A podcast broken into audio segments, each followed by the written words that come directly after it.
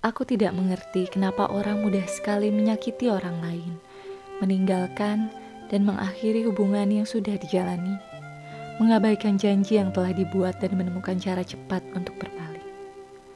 Mengapa mereka menganggap remeh yang disebut perpisahan? Move on, Riani. Kalau orang yang kamu tunggu memang sayang sama kamu, dia nggak akan biarkan kamu nunggu lama-lama. Ucap Rangga, teman kerjaku yang kukenal sejak kuliah. Dia terus memberondongiku dengan nasihat bahkan hingga di meja makan. Kalau dia jodohku dan memang aku harus nunggu, kenapa aku harus move on? Lagi pula aku belum bisa lupa sama dia, dia nggak ada gantinya. Jawabanku yang sama-sama berkali-kali didapatkannya. Rangga membuang napas pasrah sambil mengaduk-aduk secangkir cappuccino dengan tidak karuan.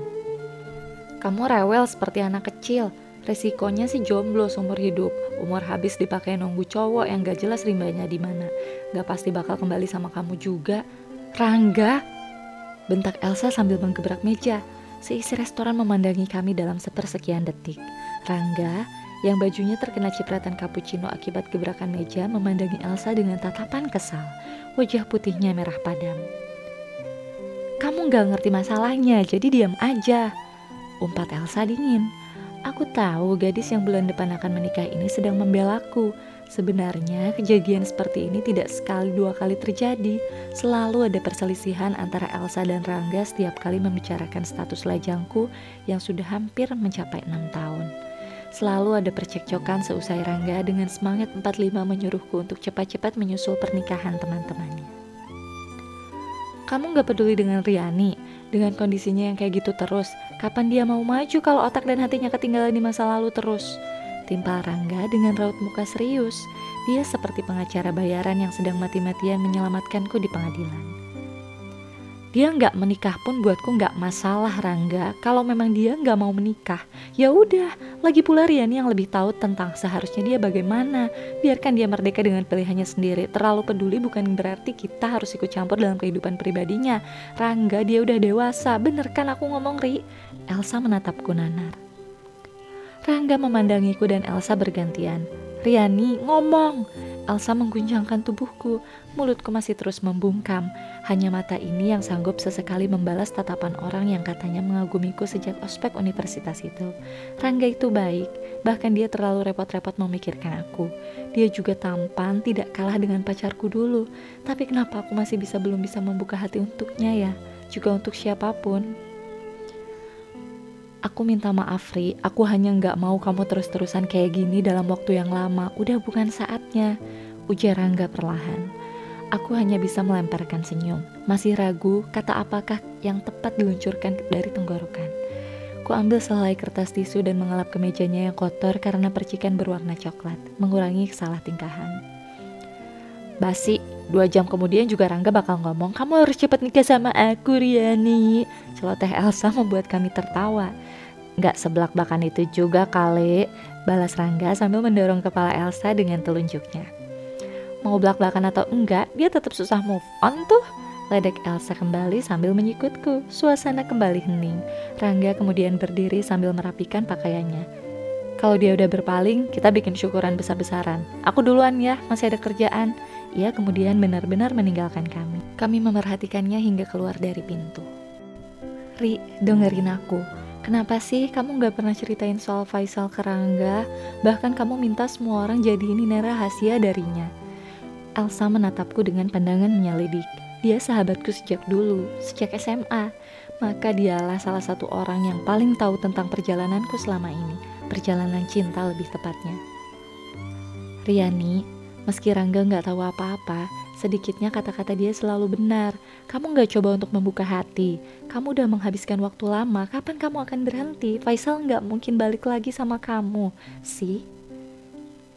Elsa memegang kedua tanganku, memandang iba air mata yang menggenang di pelupuk mataku. Pipiku menghangat. Aku memeluknya erat-erat. Rasa kehilangan yang ingin kuhapus sejak enam tahun lalu itu singgah lagi. Jarak yang paling jauh keberadaannya sekaligus yang tidak akan pernah mungkin kita temui lagi adalah masa lalu. Ini bukan pertama kalinya aku merenungkan bahwa semuanya telah pergi, masa lalu telah jauh meninggalkan, begitupun orang yang kucintai tidak akan pernah kembali lagi. Aku tidak pernah menyangka rasa sakit yang kubiarkan mengendap selama bertahun-tahun ini seolah tak ada penawarnya. Penantian yang tiada ujungnya. Lagi pula, siapa orang yang aku nantikan? Orang yang tidak pernah lagi kulihat batang hidungnya, tidak lagi kudengar gelak tawa dan suara menenangkannya, tidak lagi bisa kucium aroma parfumnya. Enam tahun lalu, tanpa menyakitiku, dia pergi. Sudah enam tahun lalu hal itu berlalu, dan rasa sakitnya masih tetap sama hingga saat ini. Pak Sardi, guru matematika untuk pengayaan ujian nasional menutup pertemuan kelas dan kemudian pergi. Ini memang sudah waktunya istirahat. Aku dan teman-temanku memilih untuk tidak beranjak. Kami lebih suka menghabiskan waktu untuk mengobrol di dalam kelas, membicarakan masa depan setelah kami lulus SMA sebentar lagi. Ponselku bergetar, ada chat dari Faisal, pacarku. Kami jadian dua tahun yang lalu, saat itu kelas kami berseberangan dan dia menembakku di pinggir lapangan basket. Sampai sekarang hubungan kami baik-baik saja. Sempat nyaris putus karena aku cemburu pada mantan yang sekelas dengannya, tapi dia berhasil mempertahankanku dan sekarang ia sudah berdiri di depan pintu kelas untuk menemuiku. Aku kangen kamu, kata Faisal sambil mengacak-acak rambutku. Aku mengangkat sebelah alis, dia tampak aneh. Tadi kan kita berangkat bareng, timpalku kemudian. Dia hanya tersenyum. Ah, aku suka senyumnya. Hari ini tanggal berapa? Ujarnya kembali. Kali ini kami sedang menyusuri koridor kelas menuju ke lapangan basket. 19. Kenapa? Faisal tak merespon jawabanku. Tubuhnya yang tinggi terus melangkah tenang dengan tatapan lurus ke depan. Ia kemudian mengajakku duduk di pinggiran lapangan basket.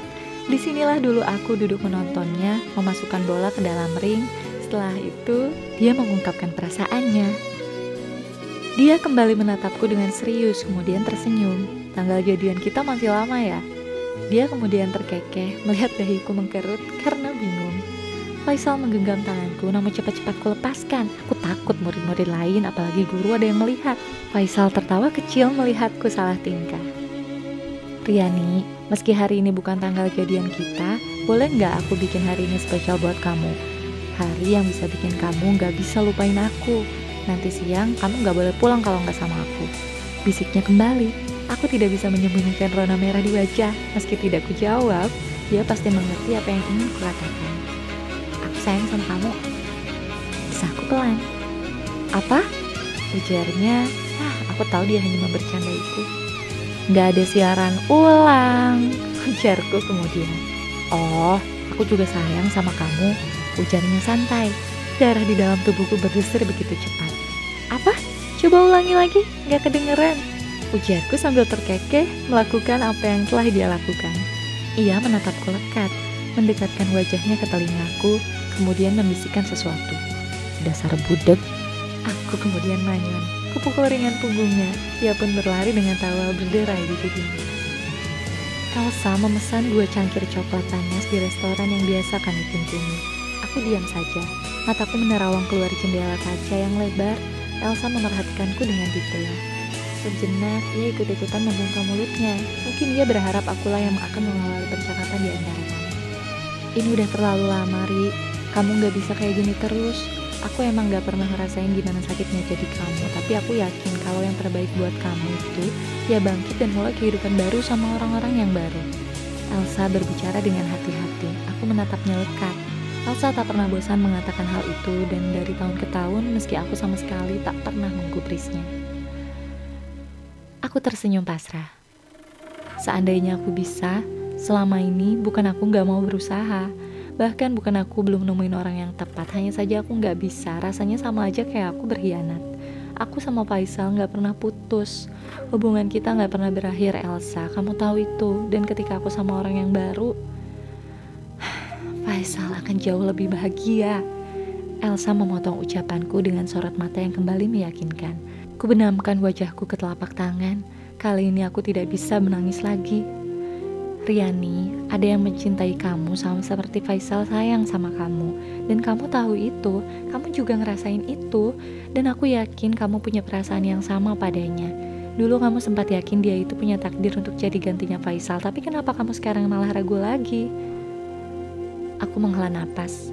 Elsa, aku memang sayang sama Rangga. Semua orang mungkin tahu kalau aku pacarnya, termasuk orang tuaku.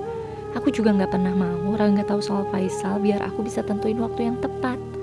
Tapi aku belum bisa berbuat apa-apa untuk sekarang. Aku juga nggak mau terus-terusan gantungin dia. Tapi aku ngerasa berdosa sama Faisal. Dulu aku janji cuma mau menikah sama dia. Riani, Riani. Elsa terkekeh. Riani, janji itu waktu kalian masih SMA. Kalaupun sekarang kalian masih bersama, belum tentu akhirnya kayak gitu. Mungkin jodoh kamu memang orang lain, Ri. Terima itu. Ucapan Elsa lagi-lagi membakar telingaku dan aku sesak.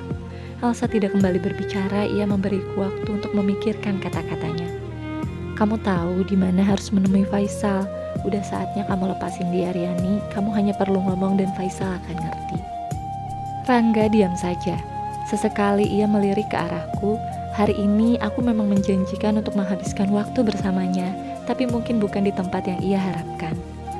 Riani, kamu bilang kamu mau ngajak aku ketemu seseorang yang berarti buat kamu. Ujarnya lembut. Entah mengapa, akhir-akhir ini Rangga jauh lebih bersikap lembut dibanding biasanya. Mungkin karena Elsa telah memberinya suatu kode.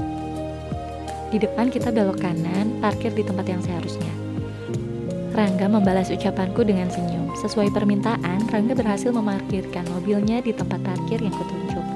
Rangga menoleh ke kanan dan kiri, sesekali mengucap matanya karena tak percaya aku akan membawanya ke tempat ini.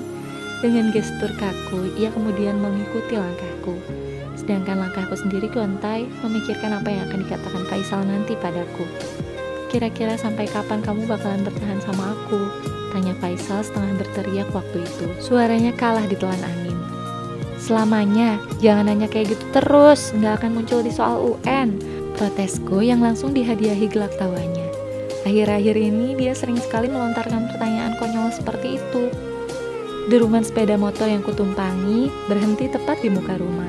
Faisal memandang sekeliling dan kemudian matanya fokus. Tatapannya menembus pandanganku. Selamanya itu selama apa? Gumamnya. Kedua alisku bertaut. Ia bisa membaca kebingungan yang tergambar jelas di wajahku. Selama aku dikasih kesempatan, ujarku kembali. Selama aku hidup, aku kasih kamu kesempatan. Setelahnya, itu terserah kamu. Ia kemudian mencium keningku dan membuatku salah tingkah. Angin menamparku dengan telak, menyadarkan bahwa kali ini aku telah berdiri di hadapan Faisal. Ku genggam tangan Rangga erat. Sesekali kulirik dia yang nampak tidak baik-baik saja. Kamu tidak perlu takut dan khawatir. Faisal itu orangnya baik. Katakan padanya kamu mencintaiku. Katakan padanya kita akan menikah. Katakan padanya, aku bahagia. Bisiku dengan mata berkaca-kaca. Hati hancur berantakan, Rangga menggenggam tanganku semakin erat. Pada hari Senin, hari ke-8 di bulan Juni yang cerah, Rangga melamarku di depan Faisal, di depan nisannya.